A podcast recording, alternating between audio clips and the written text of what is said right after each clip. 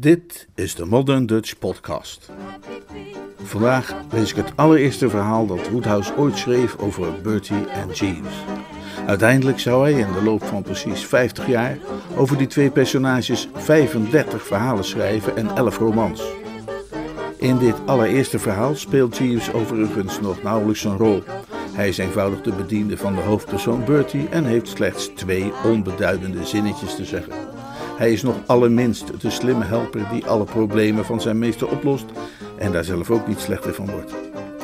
Bertie moet het allemaal nog zelf doen en dat gaat dan ook falikant fout. Bertie heet in dit eerste verhaal trouwens ook nog geen Woester, maar Mannering Phipps.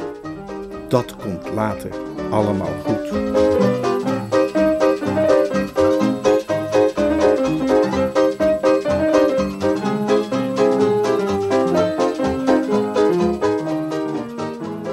Vriend Gussie uit de knoei haalde. Ze kwam ermee aanzetten voor het ontbijt. Daar heeft u in zeven woorden een volledige karakterschets van mijn tante Agatha. Ik zou eindeloos door kunnen gaan over haar brutaliteit en gebrek aan consideratie, maar ik zeg u alleen maar dat ze me ergens in de kleine uurtjes uit bed joeg om naar haar pijnlijke verhaal te luisteren. Het kan nog geen half twaalf geweest zijn, toen Jeeves, mijn bediende, mij uit een NREM-fase wekte om mij het nieuws te berichten. Mrs. Gregson is hier om u te spreken, ja. Ik dacht dat ze waarschijnlijk aan het slaapwandelen was, maar kroop toch uit bed en trok een kamerjas aan. Ik kende tante Agatha goed genoeg om te weten dat als zij gekomen was om mij te spreken, zij niet vertrekken zou zonder mij te hebben gesproken. Dat soort vrouw is zij nu eenmaal. Ze zat kaarsrecht op een stoel en staarde in de ruimte. Toen ik binnenkwam, keek ze me aan op die bliksems kritische manier die mij altijd het gevoel geeft dat ik gelatine heb zitten op de plaats waar mijn ruggengraat hoort te zijn. Tante Agatha is zo'n vrouw van het wilskrachtige type. Elisabeth I moet op haar geleken hebben, denk ik altijd. Ze speelt de baas over haar echtgenoot, Spencer Gregson, een verkreukeld mannetje dat op de effectenbeurs werkt. Ze speelt de baas over mijn neef, Gussie Mannering Phipps. Ze speelt de baas over haar schoonzus, Gussie's moeder. En het ergst van allemaal, ze speelt de baas over mij. Ze heeft de blik van een mensenetende haai en bezit een grote morele overtuigingskracht. Ik neem aan dat er ook wel kerels bestaan in de wereld, mannen met een hart en een vuist van staal en al dat soort dingen meer, die zij niet zou weten te intimideren. Maar als je het type bent dat op een rustig leven is gesteld, zoals ik, dan rol je je eenvoudig op tot een bal als je haar ziet aankomen en hoopt op een gunstige afloop. Mijn ervaring is dat als tante Agatha wil dat je iets doet, je dat ook doet. Want anders ga je je al snel afvragen waarom die kerels uit de dagen van weleer altijd zo klaagden als ze met de Spaanse Inquisitie te maken kregen. Uh, hallo, tante Agatha, zei ik. Bertie, zei ze, je ziet er niet uit. Je oog volkomen verloederd. Ik voelde me ook als een slordig dichtgebonden pakje van de ijzerhandel. Ik ben s'morgens vroeg nooit op mijn best en dat zei ik haar. S'morgens vroeg? Ik heb drie uur geleden ontbeten en alle tijd daarna door het park gewandeld om mijn gedachten een beetje op een te kunnen krijgen. Als ik ooit nog eens zou ontbijten om half negen, liep ik daarna meteen naar de Theems om definitieve vergeetheid te zoeken in een zeemansgraf. Ik maak me ontzettend zorgen, Bertie. Daarom ben ik naar je toegekomen. Ik zag dat ze iets van plan was en blaatte zachtjes richting Jeeves om een kopje thee.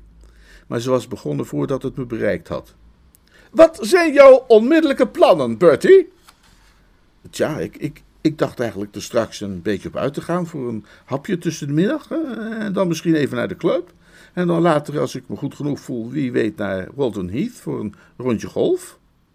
Ik ben niet geïnteresseerd in je hapjes en je rondjes. Ik bedoel, heb jij in de komende week belangrijke afspraken? Ik rook gevaar. Nou, nou en of, zei ik. Massa's, hoe, honderden. Ben, ben helemaal volgeboekt.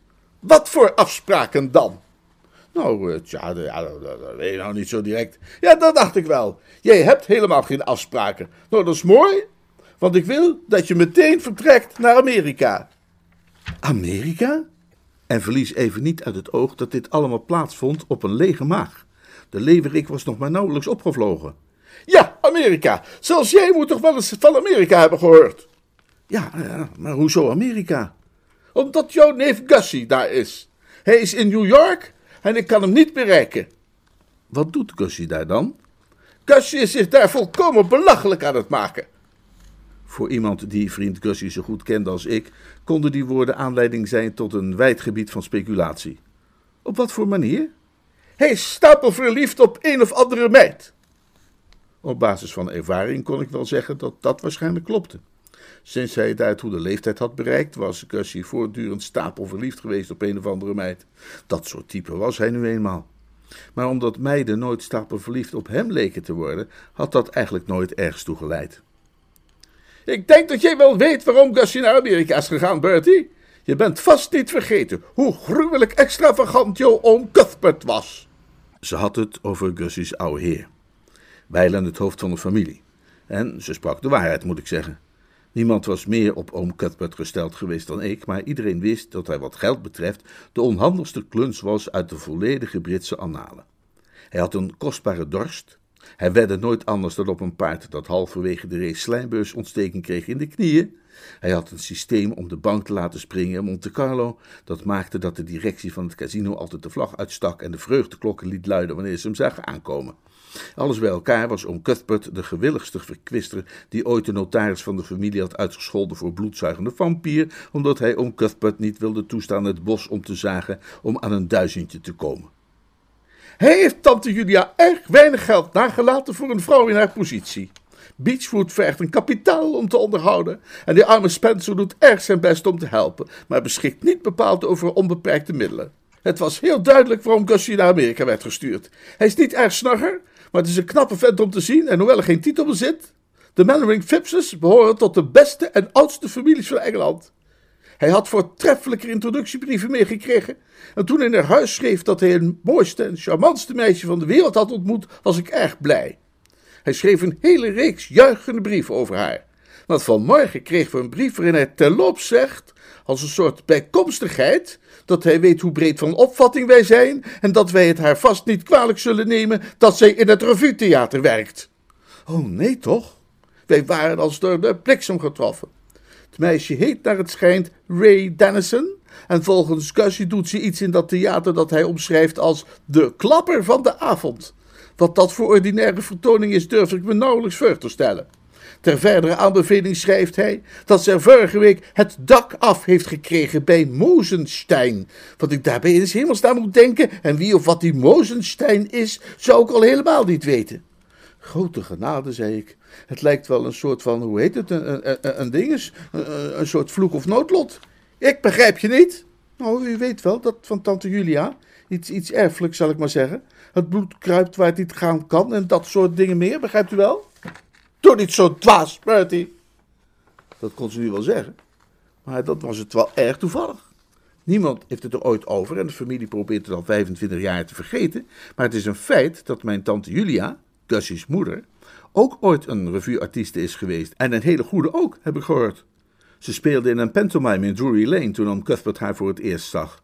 Dat was voor mijn tijd uiteraard en ook lang voordat ik oud genoeg was om het te realiseren dat de familie er maar het beste van gemaakt had. Vooral tante Agatha had zich uitgesloofd en er een hoop educatief werk ingestoken, zodat je nu nog met geen vergrootglas het verschil kon zien tussen tante Julia en een echte, door de wol geverfde aristocraten. Vrouwen weten zich zo behendig aan te passen. Ik heb een vriend die getrouwd is met Daisy Trimble van het Gaiety Theater. En als ik haar nu nog wel eens ontmoet, krijg ik de neiging om bij het afscheid achteruit weg te lopen. Maar hoe dan ook, dat viel niet te ontkennen. Er stroomde revuebloed door Gussie's aderen en het leek erop dat zich dat niet verlogende, zoals dat heet. Grote genade, zei ik, want ik ben geïnteresseerd in dat soort erfelijkheidsgedoe. Misschien wordt het wel een echte familietraditie, zoals je dat in boeken leest. Zeg maar de vloek van de Mannering Phippses, als het ware. Misschien dat ieder hoofd van de familie voor eeuwig en altijd weer trouwt binnen de revuewereld. Tot aan de, je weet wel, generatie, weet je niet? Doe toch niet zo idioot, Bertie. Er is in elk geval één hoofd van de familie dat er niet aan meedoet, en dat is Gussie. En jij bent degene die naar Amerika gaat om hem tegen te houden. Waarom ik? Waarom jij? Dat ben je toch vermoeiend, Bertie. Heb jij dan helemaal geen gevoel voor je familie? Je, je bent te lui om zelf iets te willen bereiken, maar je zou dan tenminste enige moeite kunnen doen om te voorkomen dat Gussie ons een schande maakt. Je gaat naar Amerika omdat je Gussie's neef bent, omdat jij ook altijd zijn beste vriend bent geweest en omdat je de enige bent in de familie die absoluut niets anders heeft om zijn tijd aan te besteden dan golf en nachtclubs. Nou, ik speel ook veel contact bridge. En, zoals je zegt, die speelt ook veel gokspelletjes in duistere tenten. En, en als je nog een andere reden nodig hebt, dan ga je omdat ik het jou als een persoonlijke gunst heb gevraagd. Wat ze bedoelde was dat als ik weigerde, zij al haar natuurlijke vermogens zou inzetten om mij het leven tot een Hades te maken. Haar flikkerend oog gaf mij geen kans te ontsnappen. Een betere imitatie van de oude zeeman had ik nooit gezien. Dus, Bertie, hè? jij vertrekt onmiddellijk, begrijp ik dat goed? Ik aarzelde niet. Precies, zei ik. Uh, uiteraard. Jeeves kwam binnen met de thee. Jeeves, zei ik, wij vertrekken zaterdag naar Amerika. Uitstekend, meneer, zei hij. Welk pak wilt u dragen? New York is een grote stad die heel handig op het randje van Amerika is gelegen, zodat je er regelrecht van de boot zonder enige moeite binnenloopt. Je kunt eenvoudig niet verdwalen. Je komt uit een grote schuur en loopt een paar treetjes af en eh, dan sta je er gewoon middenin. Het enige bezwaar dat je redelijkerwijs zou kunnen maken is dat ze je zo allemachtig vroeg die boot afsturen. Ik liet Jeeves achter om mijn bagage veilig langs een verzameling achterdochtige zeerovers te krijgen, die tussen mijn nieuwe overhemden naar verborgen schatten begonnen te zoeken, en reed naar Cassie's hotel, waar ik het peloton keurige heren achter de balie vroeg hem voor mij op te duikelen. Daar kreeg ik meteen mijn eerste schok. Hij was daar namelijk niet. Ik verzocht de heren nog eens goed te zoeken en dat deden ze ook, maar het hielp niets. Er bevond zich geen Augustus Mannering Phipps in het pand. Dat was een hele slag, moet ik bekennen.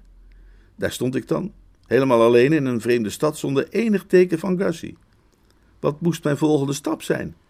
Ik ben s'morgens vroeg al nooit zo'n scherpe denker. Mijn kersenpit begint op de een of andere manier altijd pas laat in de middag redelijk te functioneren. En ik wist dus echt even niet wat ik doen moest. Door een of ander instinct gedreven opende ik echter een deur achter in de lobby en kwam zodoende terecht in een grote ruimte met een enorme schildering over de gehele lengte van een van de muren, met onder die schildering een buffet en achter dat buffet verschillende kerels met witte jasjes aan die drankjes serveerden. In New York hebben ze namelijk barmannen, geen bardames. Heel wonderlijk. In het volste vertrouwen leefde ik mij over aan een van die witgejaste kerels. Hij bleek een allervriendelijkste type. Ik vertelde hem hoe de zaken ervoor stonden en vroeg hem wat hij mij zou aanraden. Hij zei dat hij in een dergelijke situatie meestal een bliksemflits voorschreef, een uitvinding van hemzelf. Hij zei dat konijnen die bij hun training gebruiken wanneer ze uit moeten komen tegen grizzlyberen, en dat er maar één voorbeeld in de archieven te vinden was van een beer die meer dan drie ronden heeft overleefd. Daar probeerde ik dus een paar van en Jan Dory, de man, had volkomen gelijk. Al toen ik de tweede op had, leek mij een grote last van het hart te vallen en in opgewekte stemming ging ik de deur uit om de stad eens te bekijken. Ik was verbaasd te zien hoe druk het was op straat. De mensen waren allemaal driftig onderweg ergens naartoe, alsof het midden op de dag was en niet de grauwe ochtend. In de trams stonden ze bovenop elkaars lip, op weg naar iets van handel of bedrijf, neem ik aan. Wonderlijke types. Het malste was dat na de eerste schok bij het waarnemen van al die angstaanjagende bedrijvigheid, die helemaal zo vreemd niet meer leek. Ik heb later met lui gesproken die ook in New York geweest waren en die hadden dezelfde ervaring. Het is kennelijk iets in de lucht daar, ozon of fosfaat of iets, waardoor een mens zo actief wordt. Een soort fut of pep, als het ware. Een wonderlijk soort vrijheid, als u begrijpt wat ik bedoel, die in je bloed gaat zitten en je energie geeft. En maakt dat je zo'n gevoel krijgt van, uh, daar is God in de hemel, het gaat goed met de aard. En, en dat het je niet meer kan schelen dat je twee verschillende sokken aan hebt. Ik kan het niet beter onder woorden brengen dan door te zeggen dat de gedachte die alle anderen verdronk toen ik over Times Square liep, was dat er bijna 5000 kilometer diepe zee lag tussen mij en tante Agatha. Het is heel raar als je iets zoekt. Als je een naald zoekt in een hooiberg, dan vind je hem niet. Maar als het je niks kan schelen of je die naald ooit nog terugziet of niet, dan prik je je eraan de eerste de beste keer dat je tegen die hooiberg leunt. Tegen de tijd dat ik een beetje had rondgelopen, wat van de bezienswaardigheden had gezien en het medicijn van de man in het witte jasje op me had laten inwerken, kon het me echt niet meer schelen of ik Gusje ooit nog zou weten op te sporen. Maar potverdrie als het niet waar is, toen zag ik opeens hoe die bliksemse kerel in levende lijven een deur binnenging verderop in de straat. Ik riep naar hem, maar hij hoorde me niet, dus ik rende achter hem aan en haalde hem in, juist toen hij een kantoor wilde binnengaan op de eerste verdieping. De naam die op de deur stond was Abe Riesbitter, impresario, en van de andere kant van de deur klonk het geluid van vele stemmen. Hij draaide zich om en staarde mij aan. Bertie, doe jij eens hemelsnaam hier? Waar kom jij het opgedoken? Wanneer ben je aangekomen? Vanmorgen. Ik ging naar je hotel, maar daar was je niet. Ze zeiden dat ze nog nooit van je gehoord hadden. Ik heb mijn naam veranderd. Ik noem mezelf nu George Wilson. Waarom dat? Nou, probeer jij zelf hier maar eens voor te stellen als Augustus Mannering Phipps en kijk wat er gebeurt. Je staat gewoon voor gek. Ik weet niet wat dat is met Amerika, maar het komt er grofweg op neer dat je hier geen Augustus Mannering Phipps kunt heten. En er is nog een andere reden ook, en daar vertel ik later wel over. En, Bertie, ik ben verliefd geworden op het allerliefste meisje van de wereld. De arme sukkel keek me aan als een kat die geëid wil worden, met zijn mond open en klaar voor een felicitatie, zodat ik eenvoudig de moed niet had hem te zeggen dat ik daar alles van wist en speciaal helemaal hierheen gekomen was om hem een staak tussen de wielen te steken. En dus feliciteerde ik hem. Heel erg bedankt, beste kerel, zei hij. Dat is misschien wat voorbij, maar ik geloof zeker dat het goed komt. Loop even met me mee naar binnen, dan zal ik je er alles van vertellen. Waar zijn we hier eigenlijk? Beetje vreemd plekje. Dat is deel van het verhaal. Ik zal het je uitleggen. We openden de deur met het opschrift Wachtkamer. Ik heb van mijn leven nog geen plaats gezien waar het zo druk was. Het was er zo stampvol dat de wanden bol stonden. Gussie legde het uit. Lui het vak, zei hij. Revueartisten, begrijp je wel. Uh, die allemaal Ape Wiesbitter willen spreken. Het is 1 september, de opening van het variétéseizoen. In de vroege herfst, zei Gussie, die nogal poëtisch is aangelegd, is het lente voor de revue. Hè? Wanneer augustus begint te verbleken, komen in het hele land de stralende comediennes weer uit de knop, gaat het sap weer stromen in de aderen van de fietsacrobaten, ontwaken de slangenmensen uit hun zomerslaap en beginnen zichzelf weer voorzichtig in de knoop te leggen. Ik bedoel, het is het begin van het nieuwe seizoen en iedereen gaat op jacht naar een engagement. Ja, maar wat doe jij dan hier? Oh, ik moet alleen Eep even ergens over spreken. Je een dikke kerel die deur uit ziet komen met zowat 57 kinnen, klamp hem dan meteen aan, want dat is Eep. Hij is zo iemand die elke volgende stap die hij doet op de ladder van het succes markeert door er nog een kin bij te kweken. Ze zeggen dat hij er in de jaren negentig nog maar twee had. En als je Ape te pakken krijgt, denk er dan aan dat hij mij kent als George Wilson. Je zei me dat je nog uit zou leggen hoe dat zit met dat uh, George Wilson gedoe, Gussie. Nou kijk, het zit zo. Op dat moment onderbrak vriend Gussie zichzelf en sprong verbluffend energiek op van zijn stoel om de zwaarlijvige figuur aan te schieten die plotseling was verschenen.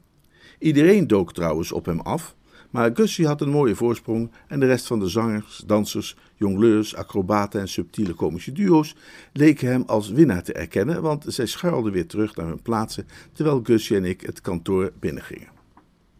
Mr. Reesbitter stak een sigaret op en keek ons ernstig aan over zijn machtige omwalling van onderkinnen. Luister, zei hij tegen Gussie, laat me je één ding vertellen. Gussie vertoonde een respectvolle aandacht. Mr. Reesbitter dacht een ogenblik na en wist de kwispedoor handig over de rand van het bureau heen met indirect vuur te treffen. Luister, zei hij nog eens. Ik heb je zien repeteren, zoals ik Miss Dennison had beloofd. En voor een amateur doe je het helemaal niet slecht. Je moet nog een hoop leren, maar je hebt het wel. Waar het op neerkomt, is dat ik je een plekje kan geven in de vier keer per dag, als je genoegen neemt met 35 pop. Meer kan ik er niet van maken. En dan nog alleen omdat het wijfje er zo over hebt lopen te zeuren. Hè? Het is ja of nee, wat zeg je ervan? Ik doe het, zei Gussie hees. Dank u wel. Buiten op de gang begon Gussie te gorgelen van vreugde en sloeg me op de schouder. Bertie, beste kerel, nu is het in orde. Ik ben de gelukkigste man in New York. En wat nu dan? Nou, zoals ik je al aan het vertellen was toen E binnenkwam, Ray's vader zat ook in het vak. Dat was voor mijn tijd maar ik heb vaak genoeg over hem gehoord. Joe Danby. Hij was heel bekend in Londen voordat hij naar Amerika vertrok. Het is een toffe oude heer, maar koppig als een muilezel. En hij vond het niks als ik met Ray zou gaan trouwen, omdat ik niet in het vak zat. Hij wilde er niks van weten. Nu weet jij natuurlijk nog wel dat ik in Oxford vaak genoeg met succes heb gezongen. En Ray heeft de oude Vriesbitter weten over te halen naar me te komen luisteren bij een repetitie. En hem laten beloven me werk te geven als hij me goed genoeg vond. Zij kan namelijk een potje bij hem breken. Ze, heeft me weken gecoacht, de schat. En zoals je hoorde, heeft hij me nu geboekt voor de dagvoorstellingen voor 35 dollar per week. Ik moest me vasthouden aan de muur om mijn evenwicht te bewaren. Het medicinale effect van de drankjes die mijn kameraad uit de hotelbar mij had verstrekt begon af te nemen en ik voelde mij wat zwakjes. Als door een mist zag ik een soort spookbeeld van tante Agatha, die zojuist had gehoord dat het hoofd van de familie Mannering Phipps op het punt stond op de variétébühne te verschijnen. De wijze waarop tante Agatha de naam van de familie vereert, grenst aan het obsessieve. De Mannering Phippses waren al een oeroud geslacht toen Willem de Veroveraar nog een kleine jongen was die in zijn korte broek rondsloop met een katapult. Eeuwenlang hebben zij koningen bij hun voornaam genoemd en hertogen geholpen de huur te betalen. En een Mannering Phipps kan vrijwel niets doen zonder zijn blazoen te bevlekken. Dus wat tante Agatha zou gaan zeggen, afgezien natuurlijk van dat het allemaal mijn schuld was, wanneer ze dit verschrikkelijke nieuws hoorde, ging mijn voorstellingsvermogen te boven. Kom mee terug naar het hotel, Gussie, zei ik. Daar is een kerel die dingen mixt die hij bliksemflitsen noemt. Iets zegt me dat ik daar nu dringend een van nodig heb. En, verontschuldig me een ogenblikje, Gussie, ik moet, moet even een telegram versturen. Het was me inmiddels duidelijk dat tante Agatha de verkeerde had uitgezocht voor het klusje om Gussie los te peuteren uit de tentakels van de Amerikaanse variétéwereld. Wat ik nodig had was versterking. Heel even dacht ik erover om tante Agatha een telegram te sturen dat ze zelf moest komen, maar de reden hield mij voor dat zoiets nu weer te ver zou gaan. Ik had hulp nodig, maar nu ook weer niet zo wanhopig. Ik besloot tot de gulden middenweg. Ik stuurde een telegram aan Gussie's moeder onder de vermelding dringend. Wat voor telegram moest jij nu opeens versturen? vroeg Gussie even later.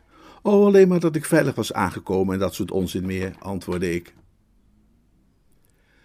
Gussie begon zijn theatercarrière de volgende maandag in een rare zaal buiten het centrum, waar ze films draaiden, met daartussendoor één of twee variété-nummers. Er was heel wat voorbereiding aan vooraf gegaan om hem fit aan de start te krijgen. Hij leek mijn mentale en fysieke steun als vanzelfsprekend te beschouwen en ik kon hem moeilijk in de steek laten. Mijn enige hoop, die gelukkig groeide tijdens het bijwonen van zijn repetities, was dat hij bij zijn eerste optreden zo vreselijk af zou gaan dat hij nooit meer het toneel durfde betreden. En daar dat automatisch een streep zou halen door zijn huwelijksplannen, leek het me het beste dat optreden gewoon door te laten gaan. Hij nam geen enkel risico. De zaterdag en zondag voor het optreden woonden we praktisch in een gruwelijk muziekhok ten kantore van de uitgever van de nummers die hij wilde gaan brengen. Een kereltje met een haakneus en een sigaret tussen zijn lippen begeleidde hem de hele dag op de piano. Onvermoeibaar was dat kereltje, alsof hij er persoonlijk belang bij had. Gussie schraapte zijn keel en begon. Een grote sjok-sjok staat op mij te wachten. Het kereltje slaat intussen de akkoorden aan en zegt dan: Is dat zo? Waar wacht hij op? Gussie kijkt nogal verstoord door die interruptie. Hij wacht op mij. Op jou? Hij wacht op mij. Het kereltje weer. Echt waar? Omdat ik straks met hem naar Memphis rij. Tja, ik woon gewoon in Jonkers. Dat kereltje hield dat het hele lied vol. De eerste keer vroeg Kusje hem om daarmee op te houden, maar de kereltje zei nee, dat hoorde zo. Daar kreeg het nummer wat meer pep van. Hij vroeg aan mij of dat nummer niet een beetje pep nodig had en ik zei dat het alle pep kon gebruiken die het krijgen kon. En het kereltje zei tegen Gussie, zie je nou wel? En dus moest Gussie het verder maar verdragen. Het andere lied dat hij wilde gaan zingen was zo'n lied over de maan. Hij vertelde mij met een fluisterstem dat hij dat nummer wilde doen omdat het een van de liedjes was waarmee dat meisje Ray het dak eraf kreeg bij Mosenstein en elders.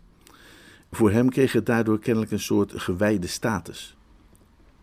U zult het nauwelijks willen geloven, maar de theaterleiding verwachtte van Gussie dat hij vanaf één uur s middags kwam optreden. Ik zei dat ze dat toch niet serieus konden menen, want ze moesten toch begrijpen dat hij om die tijd er juist even uit zou moeten om ergens te gaan lunchen. Maar Gussie zei dat dat gebruikelijk was bij de dagvoorstellingen en dat hij wel nooit meer een hap lunch zou kunnen krijgen tot hij in de avond kwam te staan. Ik wilde hem daar juist mee condoleren toen ik erachter kwam dat hij ervan uitging dat ik daar dan ook om één uur zou zijn. Mijn idee was geweest dat ik later wel eens zou komen kijken als hij, mits hij het had overleefd, voor zijn vierde rondje opkwam. Maar ik heb nog nooit een makker in de steek gelaten die het moeilijk had, dus ik zei dan maar gedag tegen de lunch die ik had gepland in een van de betere herbergen die ik had ontdekt aan Fifth Avenue en ging met hem mee. Er werd een film gedraaid toen ik mijn plaats opzocht.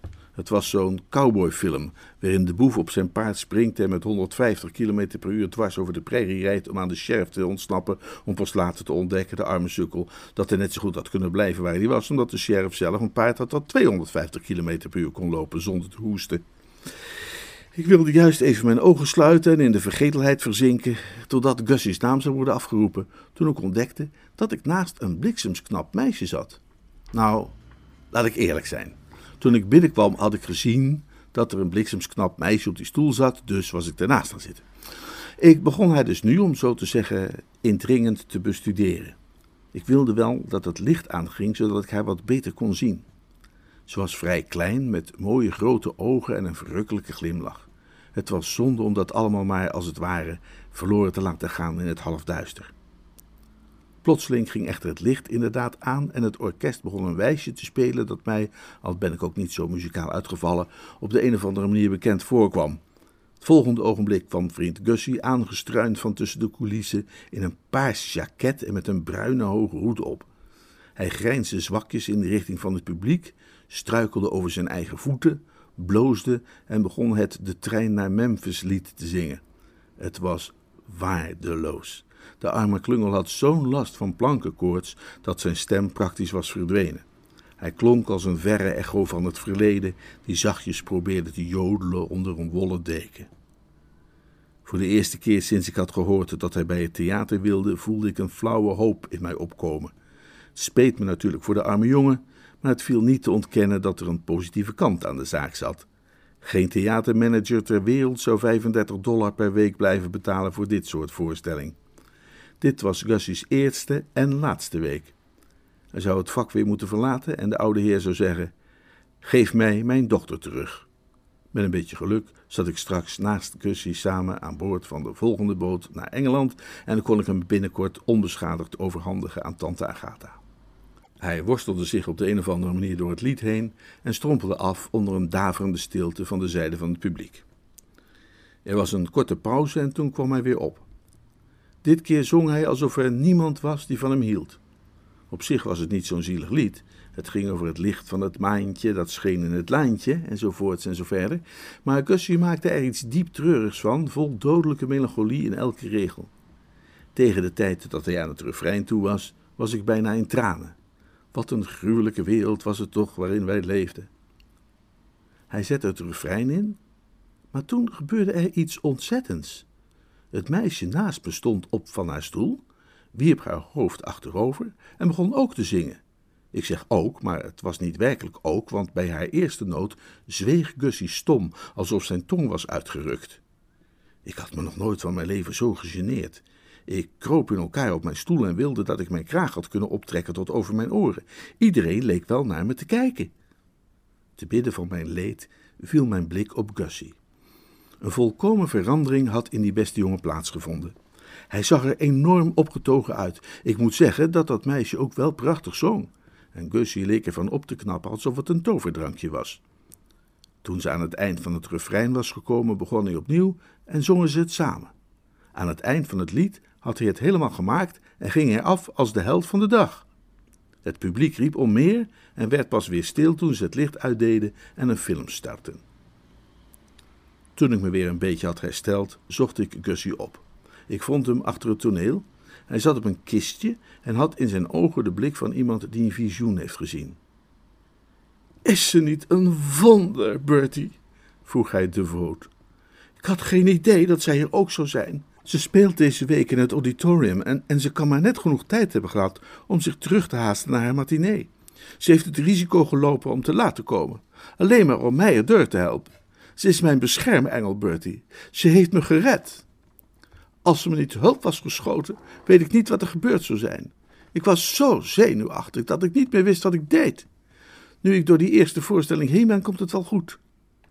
Ik was blij dat ik dat telegram gestuurd had aan zijn moeder. Ik zou haar nodig hebben. Dit was me boven het hoofd gegroeid. Tijdens de week daarna zag ik Gussie regelmatig en maakte ik kennis met het meisje. Ook haar vader ontmoette ik. Een indrukwekkende oude baas met enorme wenkbrauwen en een vastberaden uitdrukking op zijn gezicht. De woensdag daarop kwam tante Julia aan. Mrs. Mannering Phipps, mijn tante Julia dus, is denk ik de deftigste persoonlijkheid die ik ken. Ze heeft niet die opvallende daadkracht van tante Agatha, maar op een hele kalme manier is zij er toch altijd in geslaagd om mij van kind af aan het gevoel te geven dat ik een nietige worm ben. Niet dat ze me op mijn kop zit, zoals tante Agatha. Het verschil tussen die twee is dat tante Agatha de indruk wekt dat ze mij persoonlijk verantwoordelijk houdt voor alle zonde en verdriet in de wereld, terwijl tante Julia eerder doet doorschemeren dat ik meer te beklagen ben dan te veroordelen. Ik wist dat het een historisch feit was, maar anders zou een mens nooit of te nimmer geloven dat tante Julia vroeger in het revue-theater was opgetreden. Ze was precies een hertogin uit een toneelstuk.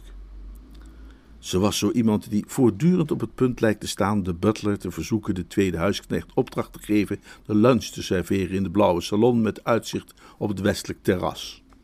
Ze straalt waardigheid uit. Toch kreeg ze 25 jaar geleden, hoor ik van oudere heren die in die tijd als jonge vlierenfluiters de stad onveilig maakten, de zaal van een Tivoli volledig plat met een dubbelnummer dat Pret met Nanet heette en waarin ze optrad in een strak pakje en een liedje zong waarvan het refrein begon met Romti Tideldiomti Dee. Er zijn dingen die een mens zich eenvoudigweg niet kan voorstellen en tante Julia die Romti Tideldiomti Dee zingt is er daar één van. Binnen vijf minuten nadat ik haar had begroet, kwam ze ter zake. Wat is er aan de hand met Gussie? Waarom heb je me dat telegram gestuurd, Bertie? Nou, dat, dat is een heel verhaal, zei ik, en behoorlijk ingewikkeld. Als u het niet erg vindt, maak ik het u liever aanschouwelijk. Ik stel voor dat we eerst een paar minuten binnenlopen bij het auditorium. Het meisje, Ray, stond voor een tweede week in het auditorium na het enorme succes van haar eerste week. Haar nummer bestond uit drie liedjes. Kleding en decor had ze schitterend voor elkaar. Ze had een geweldige stem. Ze was echt prachtig om te zien en alles bij elkaar was haar nummer eenvoudig een klapper. Tante Julia zei niets totdat we op onze plaatsen zaten. Toen slaakte ze een zucht. Ik ben geen 25 jaar in een variététheater geweest. Daarna zweeg ze weer, maar staarde onafgebroken naar de bühne. Na een half uurtje werd via de wisselende bordjes naast het toneel het optreden aangekondigd van Ray Dennison en er klonk een stevig applaus. Let goed op dit nummer, tante Julia, zei ik. Ze leek me niet te horen. 25 jaar, wat, wat zei je, Bertie? Let goed op dit nummer en zeg me wat u ervan vindt. Wie is het? Ray, oh oh. Object A, zei ik. Het meisje waarmee Gussie is verloofd. Het meisje deed haar nummer en kreeg een staande ovatie. Het publiek wilde haar niet laten gaan. Ze moest telkens opnieuw terugkomen. Toen ze eindelijk verdwenen was, wendde ik mij tot tante Julia. En? vroeg ik. Knap werk. Ze is een echte artiest. Als u het niet erg vindt, gaan we dan nu een flink eind uit het centrum. We namen de ondergrondse naar waar Gussie, de menselijke kortfilm, zijn 35 dollar per week stond te verdienen. We hadden geluk, want we zaten nog geen 10 minuten toen hij aan de beurt was. Object B, zei ik. Gussie. Ik weet niet precies wat ik verwacht had dat ze zou doen, maar ik had zeker niet gedacht dat ze zwijgend zou toekijken. Ze bewoog geen spier, maar staarde alleen maar naar Gussie, die doorzeverde over de maan. Het speet me voor het arme mens, want het moet een schok voor haar zijn geweest om haar enige zoon te zien verschijnen in een paars jacket met een bruine hoge hoed op, maar het leek me toch het beste haar maar zo snel mogelijk een duidelijk inzicht te geven in de complexiteit van de situatie. Als ik de zaak had proberen uit te leggen zonder praktische illustratie, zou ik de hele dag bezig geweest zijn zonder echt duidelijk te krijgen wie wie was en hoe het nu precies zat. Ik was stom verbaasd over de verbetering die het werk van Gussie had ondergaan. Hij had zijn stem teruggekregen en bracht zijn nummer heel goed. Het deed me denken aan die avond in Oxford, dat hij als jongen van 18 al heb je dan geen schitterende villa had gezongen, na een etentje van de roeiclub, tot zijn knieën onder water in de fontein op de binnenplaats van ons college. Hij legde er nu hetzelfde soort vitaliteit in. Nadat hij was afgegaan, bleef tante Julia een hele tijd doodstil zitten, maar wendde zich tenslotte tot mij. Er lag een vreemde glans in haar ogen. Wat heeft dit te betekenen, Bertie? Ze zei het zachtjes, maar haar stem trilde een beetje. Gussie is bij de revue gegaan, zei ik, omdat de vader van dat meisje haar alleen maar wil laten trouwen met iemand die ook in het vak zit. Als het niet te veel voor je is, zouden we nu naar de 133e straat kunnen gaan om een praatje met hem te maken. Het is een oude heer met van die wenkbrauwen en hij is object C op mijn lijstje. Als ik u met hem in contact heb gebracht, denk ik dat ik mijn bijdrage heb geleverd en is het verder aan u. De Danbys woonden in een van die ruime appartementen in het noorden van de stad, die eruit zien alsof ze een kapitaal kosten, maar in werkelijkheid nog niet half zo duur zijn als een enkel kamertje ergens rond de 40ste straat. We werden in de woonkamer gelaten en even later kwam daar de oude Danby binnen. Goedemiddag, Mr. Danby, begon ik. Ik was nog maar net zo ver toen er naast mij een verbijsterde kreet klonk. Joe! riep tante Julia uit en wankelde achteruit tegen de sofa. Heel even staarde de oude Danby haar aan, maar toen viel zijn mond open en schoten zijn wenkbrauwen met raketsnelheid omhoog. Julie! Ze grepen elkaars handen en schudden ze tot ik begon te vrezen dat hun armen uit de kom zouden worden gerukt. Ik kan erg slecht tegen dit soort onverwachte dingen. De manier waarop tante Julia plotseling veranderde deed me duizelen. Haar grande dame gedrag had ze volkomen afgelegd en ze lachte en bloosde. Ik zeg zoiets niet graag van een bloedeigen tante, maar feitelijk moest ik vaststellen dat ze giechelde. En de oude Danby, die er gewoonlijk uitzag als een kruising tussen een Romeinse keizer en Napoleon Bonaparte in een slechte bui, gedroeg zich als een kleine jongen. Joe! Julie! Mijn lieve Joe, hoe bestaat het dat ik jou hier tegenkom? Waar kwam jij opeens vandaan, Julie? Tja, ik wist niet waar dit allemaal over ging, maar ik voelde me een beetje buitengesloten. Ik bemoeide me er even mee. Uh, tante Julia wil even met u praten, Mr. Danby. Ik herkende je meteen, Joe. Het is 25 jaar geleden dat ik je gezien heb, kindje. Maar je ziet er geen dag ouder uit. Ach, Joe, ik ben een oude vrouw. Ja, maar wat doe je hier? En, uh... en daar keek de oude Danby wat minder vrolijk bij. En is je man ook hier? Mijn man is al jarenlang geleden gestorven, Joe. De oude Danby schudde zijn hoofd. Jij had nooit iemand van buiten het vak moeten trouwen, Julie. Ik had, uh, ik had helemaal niks tegen. Ik kon zijn naam niet onthouden, nooit gekund, maar dat had je niet moeten doen. Een artiest als jij. Ik zal nooit vergeten hoe je, hoe je ze elke keer plat kreeg met je romti tonti didlionti dee. ah, maar jij was ook zo geweldig in dat nummer, Joe, zuchtte tante Julia. Weet je nog die flikvlak die jij daarbij deed van die traptreden af? Ik heb altijd gezegd dat het de beste flikvlak was die er in het Variété-theater te zien was. Het zou me nou niet meer lukken. Weet je nog hoe we ze op de stoelen kregen in de Canterbury? Te gek gewoon. De Canterbury is nu een bioscoop. En in het oude Mogul staan nu alleen Franse revues.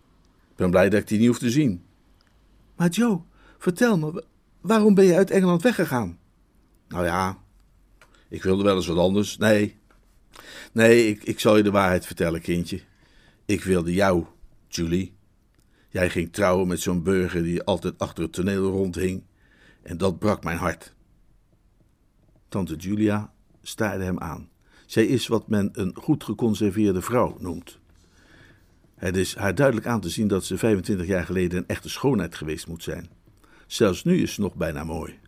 Ze heeft grote bruine ogen, een wolk van zacht grijs haar en de huid van een meisje van zeventien.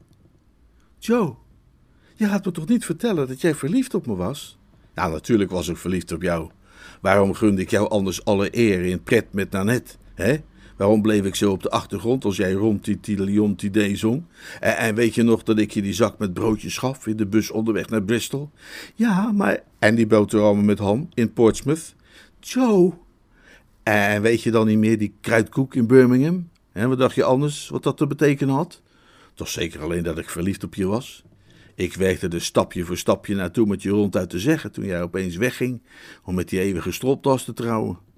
Dat is waarom ik mijn dochter niet met die jongen wilde laten trouwen, die Wilson, tenzij hij ook bij de revue ging. Zij is namelijk een echte artiest.